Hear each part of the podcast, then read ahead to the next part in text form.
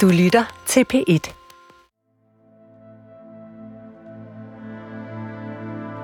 Jeg husker, at mødelokalet er stort og mørkt, og at der er et langbord, som fylder hele rummet. Ved bordet sidder der en læge og en psykolog i hvide kitler.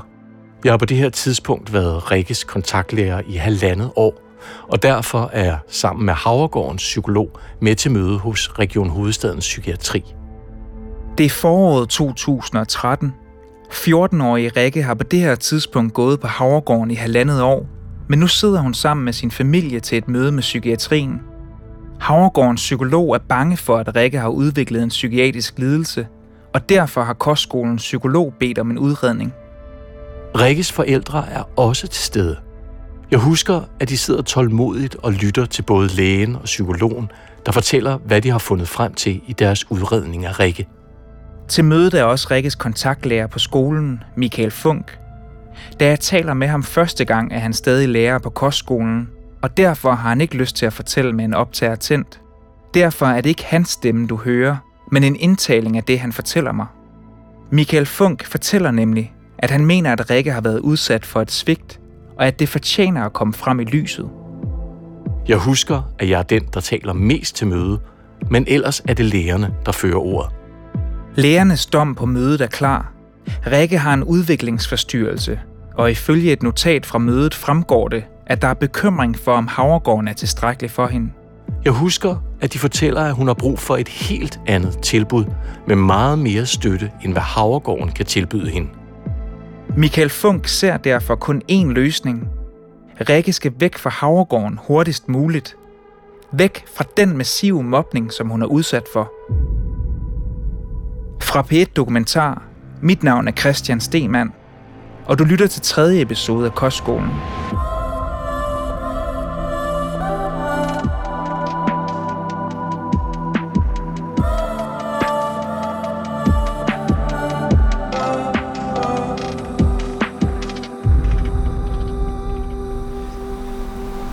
Prøv at fortælle bare lidt mere, sådan, hvad, hvad er det, der er bag dig?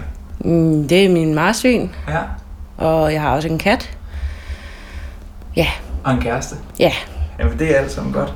Kan jeg lokke dig til bare at rykke lidt til dig på, Rikke, hvis det er muligt? Bare sådan... Jeg skal bare lige hente noget drik. Ja. Rikke er i dag start 20'erne.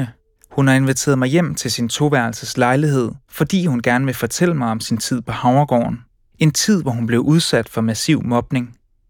Mobningen er også en af grundene til, at hun starter på Havregården i 2011, da hun kun er 12 år gammel. Jamen, det har jo stået på hele mit liv, det mobning der. Nærmest fra 2. klasse og så frem, ikke? Derfor glæder hun sig til at komme på Havregården. Og i starten går det også godt, fortæller Rikke. Men det første år, det gik sådan... I hvert fald det halve år, det gik meget godt, ikke? Hvor resten af året bare gik ned ad bakke. Hvorfor gik det ned ad bakke? Jamen, der begyndte mobningen, og, og et nyt skoleår var startet, og der var nye mennesker, og man skulle finde sig til rette i klanerne, og ja. Der var jo dem, der bare passede sig selv, som bare var der. Ja. Og så var der dem, der styrede skolen. Det var primært, hvad hedder det, 9. klasse afgangen og 8. Og hvis du ikke lige passede ind der, jamen så blev du mobbet. Øhm, og så var der så de svage, som gik rundt i en gruppe for sig selv også, ikke? Hvad, hvad tilhørte du? Øh, jeg var under de svage. Hvordan ender man der? Ja. Hvis folk ikke kan lide en, så havner du automatisk der. Rikke tilhører altså den svage gruppe, og når jeg taler med tidligere lærere og elever fra Havregården, så siger de, at Rikke er et af flere eksempler på den slags psykisk udsatte elever, som skolen har svært ved at hjælpe, og som ender med at blive ofre for den hårde kerne. Det får store konsekvenser for Rikke, blandt andet når hun skal i bad, som hun har så svært ved. Det var sådan en lås, du ligesom på et offentligt, du kan dreje op på den anden side af døren. Hvilket er sket et par gange. At den er blevet drejet op, når man har været i bad, eller når man har været på toilettet og sådan noget. Det har ikke været rart. Så er simpelthen nogen, der har brudt ind, mens man har været ude på Ja. Da jeg møder Rikke for første gang hjemme i hendes lejlighed, så er det tydeligt for mig, at hun ikke er ligesom Cassandra og Benjamin. Jeg tror, det er muligt at sidde ved bordet. Undskyld, jeg er sådan lidt besværlig. Kan vi rydde det lidt? Det første, jeg ser, er de mange buer med marsvin, som Rikke avler ind i stuen. Det er mere marsvin. Jeg lige har fået to nye her i går, så... Jeg skal lige vende sig. Flere af buerne er stablet oven på hinanden, og Rikke viser dem stolt frem. Der er de semilanghårede racemarsvin, opkaldt efter amerikanske stater. Der er de nøgne marsvin, der kun har pels på hovedet. Og så er der de helt almindelige af slagsen. Skal jeg bare lige sørge for, at jeg ikke har savsmuld over det hele? Jamen, det er det. Det er det. Ligesom på hendes værelse dengang på Havregården, så ruder det stadig hos Rikke den dag i dag. Men her er også noget, jeg ikke kan se. Skikkelserne. Tre personer, der har været hos Rikke lige siden de første gang dukkede op, mens hun gik på Havregården. Drengen sidder nede på, altså, han sidder nede på jorden med måske to centimeter over jorden, ikke? Og så rører han ved mine fødder, mine ben. Øhm, og kvinden, hun sådan er nakken af mig hele tiden. Øh, følelse af, at man, man har pusning i nakken. Og så når jeg så ligger ned, så står hun forbåret hen over mig. Det virker ret uhyggeligt. Mm. Det er det også. Ifølge Rikke stiger hendes angst, mareridt og syn af skikkelser i takt med, at mobningen på Havregården tager til. Og Havregården skriver også selv i en såkaldt elevudtalelse for skoleåret 12-13, halvandet år efter Rikke er startet. Vi er imidlertid fortsat bekymret for, om vi på sigt kan hjælpe Rikke optimalt i forhold til at kunne klare voksenlivet fremover. Mange gange lagde jeg mig syg. Altså hvis jeg havde det psykisk dårligt, ikke? Øh, jeg, havde, jeg har opfattelsen af, at når jeg lagde mig syg på Havregården, jamen så ville de ikke øh, tro på mig. Hvordan er det? Jeg føler, at der er, en, er nogen, der tror på dig. Det er jo ikke en rar følelse, fordi at, altså, når man er så ung og lille, og man regner med, at folk tror på en, og man så nærmest får at vide, jamen vi tror ikke på dig. Det er både psykisk og fysisk hårdt, ikke? Det tager hårdt på en, og man bliver træt, og man, man gider ikke rigtig noget, og ja. Min frihed var at ligge mig syg. Når et barn bliver sendt på en kostskole som Havregården, så er det for, at kostskolen skal sørge for, at barnet gennemfører en folkeskoleuddannelse. Men jeg kan læse i dokumenter, at Socialtilsynet skriver, at de oplever, at flere af de unge slet ikke eller næsten ikke kommer i skole. Socialtilsynet har set massivt fravær fra undervisningen, med op mod 50% fravær ifølge de unge og lærerne. Derfor er der flere elever, der aldrig får deres 9. klasses afgangseksamen. Det gælder også for Rikke. Jeg har ikke noget. Det eneste, jeg har, det er sådan tre års uddannelse, som jeg ikke kan bruge til noget. Jeg kan ikke øh, tage en uddannelse, fordi at jeg aldrig nærmest har fulgt med i skolen, fordi jeg er blevet mobbet hele tiden. Ikke? Hvad tænker du om det? De siger, det er en skole, hvor man skal hjælpe folk videre, og de skal få et eksamensbevis. Men det har så ikke været tilfældet for mig. Jeg startede i klassen, der hed 6. 7. Så kom jeg op i 7. og 8. Og så kom jeg tilbage i 6. 7. Og så havnede jeg så i en parallel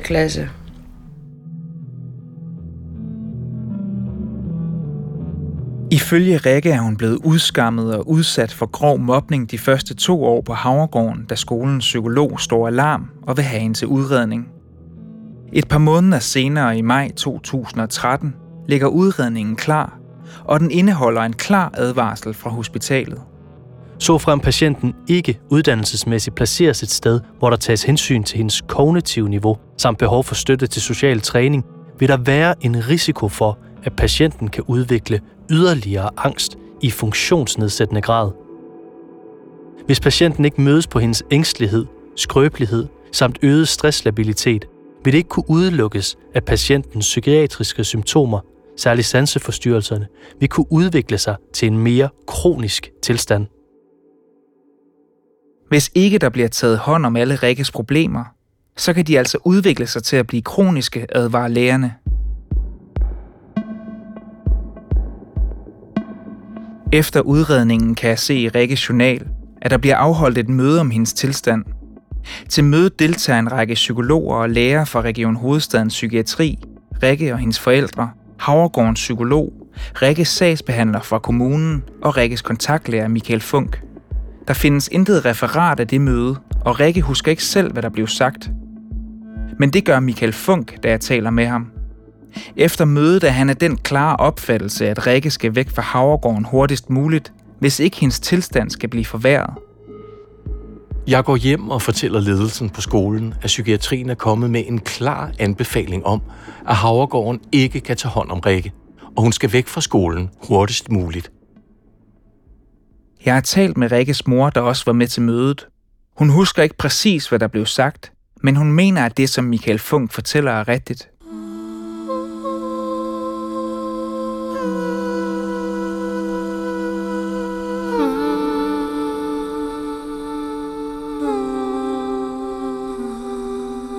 Michael Funk fortæller, at han advarer om, at Rikke skal væk fra kostskolen. Og i Rikkes journaler kan jeg se, at kommunen kort efter mødet med psykiatrien skriver, at Havregården har vurderet, at de ikke kan imødekomme Rikkes behandlingsmæssige behov, samt at de mener, at Havregården er for stor til Rikke, hvorfor de har sagt nej til at have hende næste skoleår.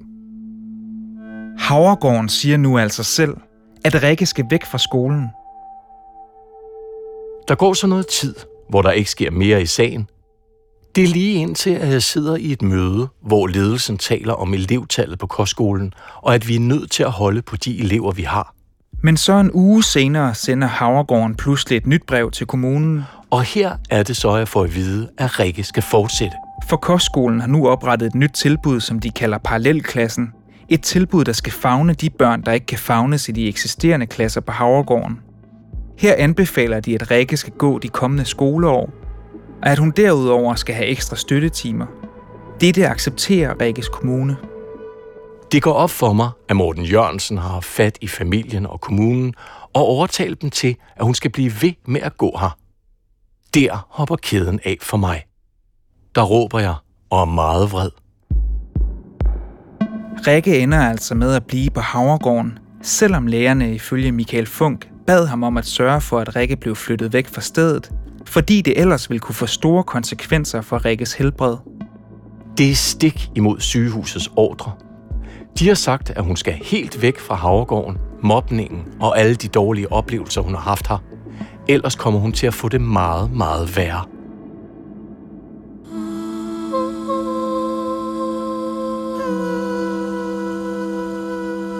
De næste fire år fortsætter Rikke altså med at gå på Havregården. Helt indtil hun er 18 år gammel. Men hun gennemfører aldrig sin 9. klasses eksamen. Og i dag mener hun, at mobningen og den manglende hjælp på Havregården er skyld i, at hun i dag har det dårligt. Det har jo gjort, at min angst er blevet forværret. Øh, først var det sådan en mild angst, og nu er det meget svær angst. Ligesom om jeg ikke rigtig tør gå ud. Jeg skal ikke ud og handle alene, jeg skal ikke ud nogen steder alene. Jeg kan ikke tage det offentligt, for eksempel. Jeg kan ikke tage det offentlige transport. Jeg er afhængig af, at enten min kæreste eller min far gider køre mig.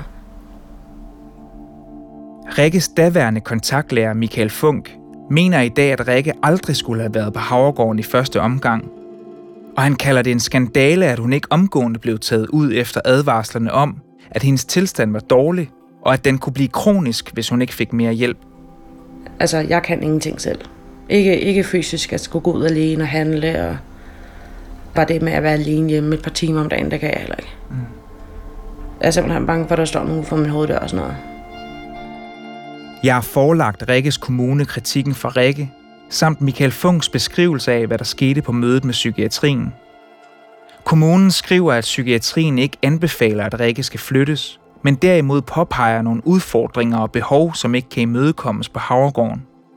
Derfor tilrettelægger skolen et nyt tilbud til Rikke, som har til formål at imødekomme de udfordringer, hun har. Ifølge kommunen sker dette med tæt opfølgning.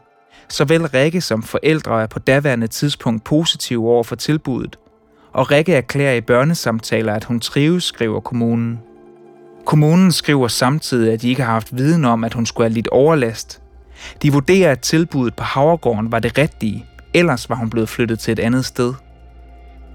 Kommunen kalder det dog utilfredsstillende, at kostskolen ikke er i stand til at give Rikke en 9. klasses eksamen.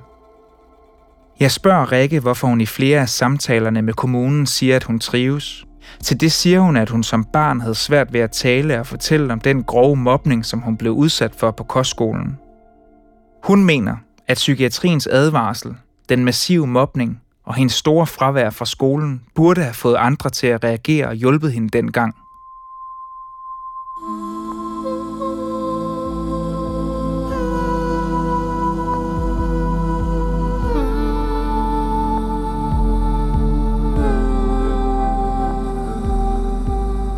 Spørgsmålet er, hvorfor Socialtilsyn Hovedstaden, der har ansvaret for at holde øje med Havregårdens kvalitet, år efter år giver kostskolen topkarakterer og konkluderer, at eleverne på skolen trives. Når Cassandra, Benjamin, Rikke og mange andre elever og medarbejdere fortæller mig, at det stik modsatte var tilfældet for en masse børn på kostskolen i de her år. Jeg beder derfor om et interview med Socialtilsynet. Jeg vil gerne have svar på, hvorfor de først i 2019 opdager en række kritisable forhold på kostskolen. Kan jeg bede dig om bare at prøve ja. øh, bare sige, hvad du hedder og din Mie Andresen, Socialtilsyn Hovedstaden, eller chef for Socialtilsyn Hovedstaden. For at få svar på det, mødes jeg med Mie Andresen, der er chef i Socialtilsyn Hovedstaden. Det er hende, der har ansvaret for de tilsyn, der er blevet ført på kostskolen siden 2014. Jeg vil vide, om hun mener, at de har gjort deres arbejde godt nok, når de ikke har opdaget alle de ting, som de tidligere elever og medarbejdere fortæller mig. Nu, hvor vi sådan har talt lidt sammen frem og tilbage, og vi har kigget lidt på det osv., er det så stadigvæk, øh, hvad kan man sige, jeres opfattelse, det kun har foregået i 1920, de her kritikpunkter, I kommer med, eller har I en fornemmelse af, om det har stået på i i længere tid. Det er selvfølgelig altid sådan, at når et, øh, når et tilbud får så alvorlig kritik, som det vi ser her i, i Havregårdens tilfælde, så øh, efterrationaliserer vi jo altid. Og vi har selvfølgelig også været vores rapporter igennem i forhold til at se, har der været nogen, øh, nogle indikatorer på, at øh, vi kunne have set noget noget før.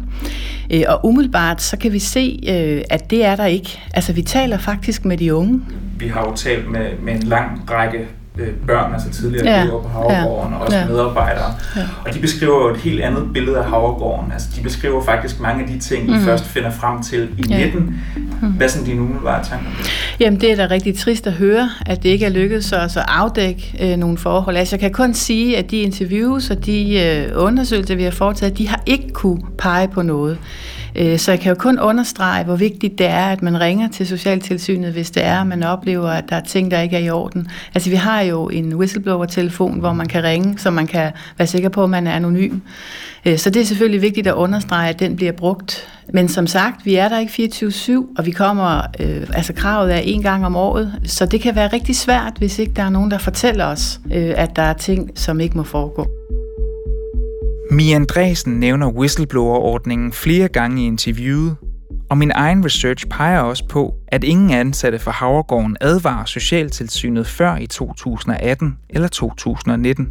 Har Socialtilsynet i dine øjne gjort det godt nok? I bagklogskabens ulidelige klare lys, øh, så ville vi gerne have haft nogle flere oplysninger, der havde kunne give os anledning til at undersøge nogle bestemte forhold nærmere. Det havde vi ikke.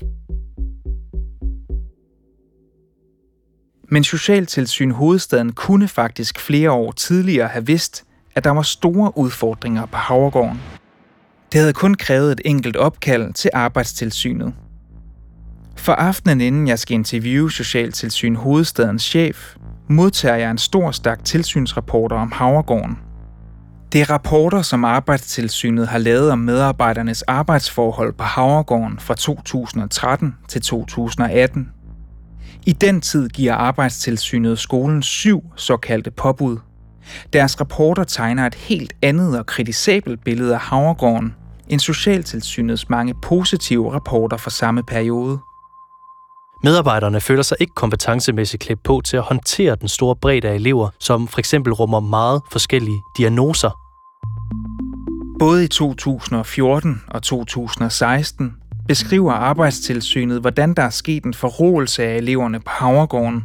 Og i rapporten erkender forstander Morten Ulrik Jørgensen over for Arbejdstilsynet, at eleverne er blevet mere hårdkogte. Lederen oplyser, at Havregårdens elever er udfordret, og at man som medarbejder skal kunne tåle, at der bliver sagt fuck dig, eller at der bliver væltet en stol. Der står flere steder i Arbejdstilsynets rapporter, at skolens medarbejdere giver udtryk for, at børnenes adfærd har ændret sig – Medarbejderne oplyste, at der ikke er fælles retningslinjer for håndtering af vold og trusler. Medarbejderne advarer også flere gange om, at de ikke har de fornødne kompetencer til at håndtere de børn, der går på skolen. Og det har ifølge rapporterne nogle voldsomme konsekvenser for både eleverne og medarbejderne. I et eksempel var der en konflikt mellem nogle drenge på skolen. En elev var så presset, at han hentede en kniv i køkkenet. Da eleven hentede kniven, var han i det røde felt, og medarbejderne måtte stoppe ham og forsøge at få kniven fra ham. Rapporterne bekræfter, at der er has og hårde stoffer på Havregården. Der har netop været en periode, hvor der også var misbrug og handel med hårde stoffer blandt eleverne. Der bliver beskrevet en lang række konkrete episoder, blandt andet hvordan en elev henter en økse i værkstedet og tror med at slå en ansat ihjel, at der bliver kastet med sakse efter personalet, og at det har været nødvendigt for skolen at låse knive væk fra børnene. Medarbejderne oplyser, at der er elever, de kan være utrygge ved, og som de ikke har lyst til at komme i konflikt med, fordi eleverne ikke skyer nogen midler. Ledelsen genkender, at eleverne kan være truende, og at truslerne ikke nødvendigvis er tomme.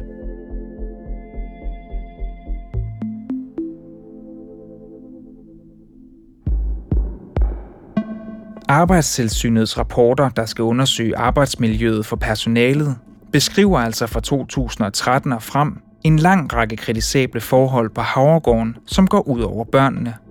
De selv samme år, hvor Socialtilsyn Hovedstaden giver Havregården topkarakter.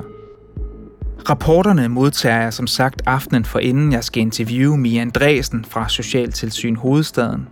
Jeg ved ikke, om hun har læst dem, eller om hun overhovedet er klar over, at de findes.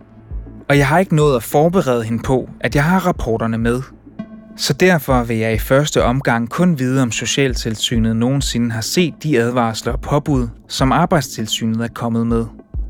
Øh, nu er vi jo åbenbart lidt presset på tid, øh, ja.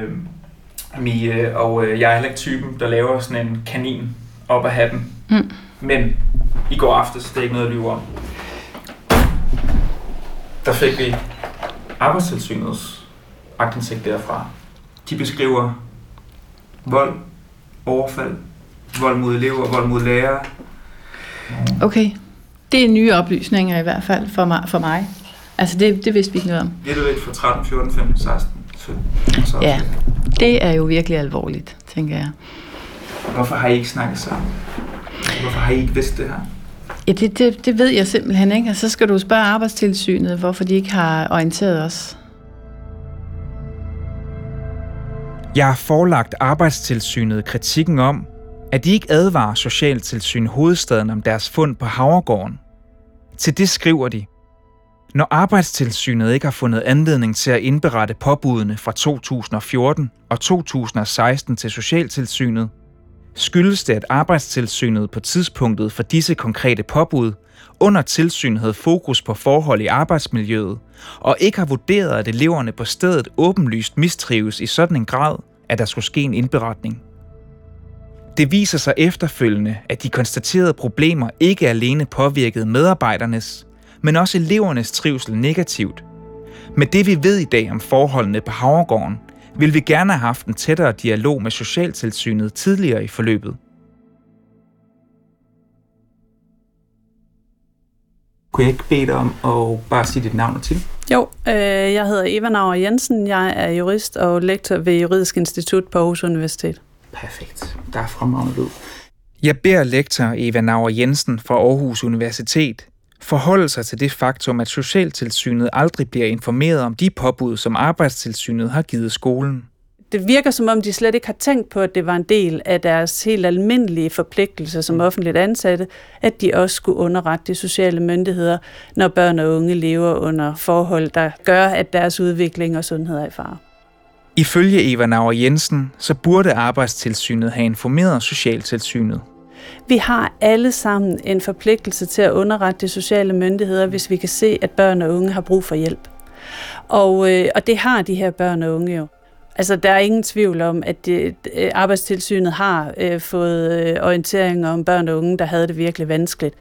Det frikender dog ikke Socialtilsynet, som altså har givet Havregården topkarakter, mens Arbejdstilsynet har beskrevet det ene kritisable forhold efter det andet, mener Eva Nauer Jensen. Vi har nogen her, der skal tjene penge på at have børn og unge anbragt, som øh, er bange for at få, øh, få inddraget deres godkendelser.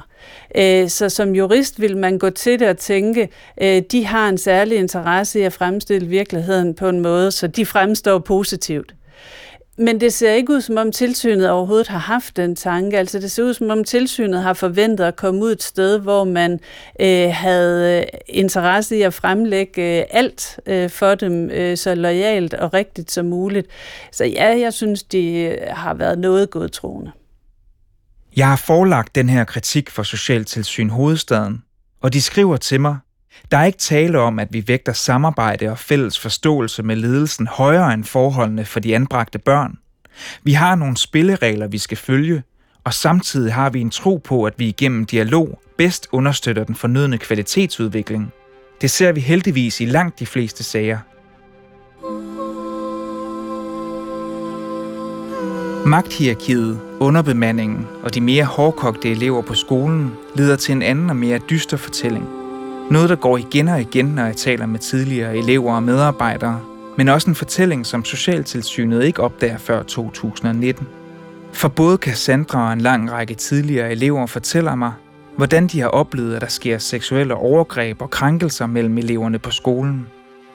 Hændelser, som Socialtilsynet, så vidt jeg kan se, ikke bliver informeret om. Det skete for flere deroppe. Og der var også flere, der, der ligesom følte sig troet til, at der var, altså, var bange for nogen, og derfor valgte at have sex med dem for at, at beskytte sig selv.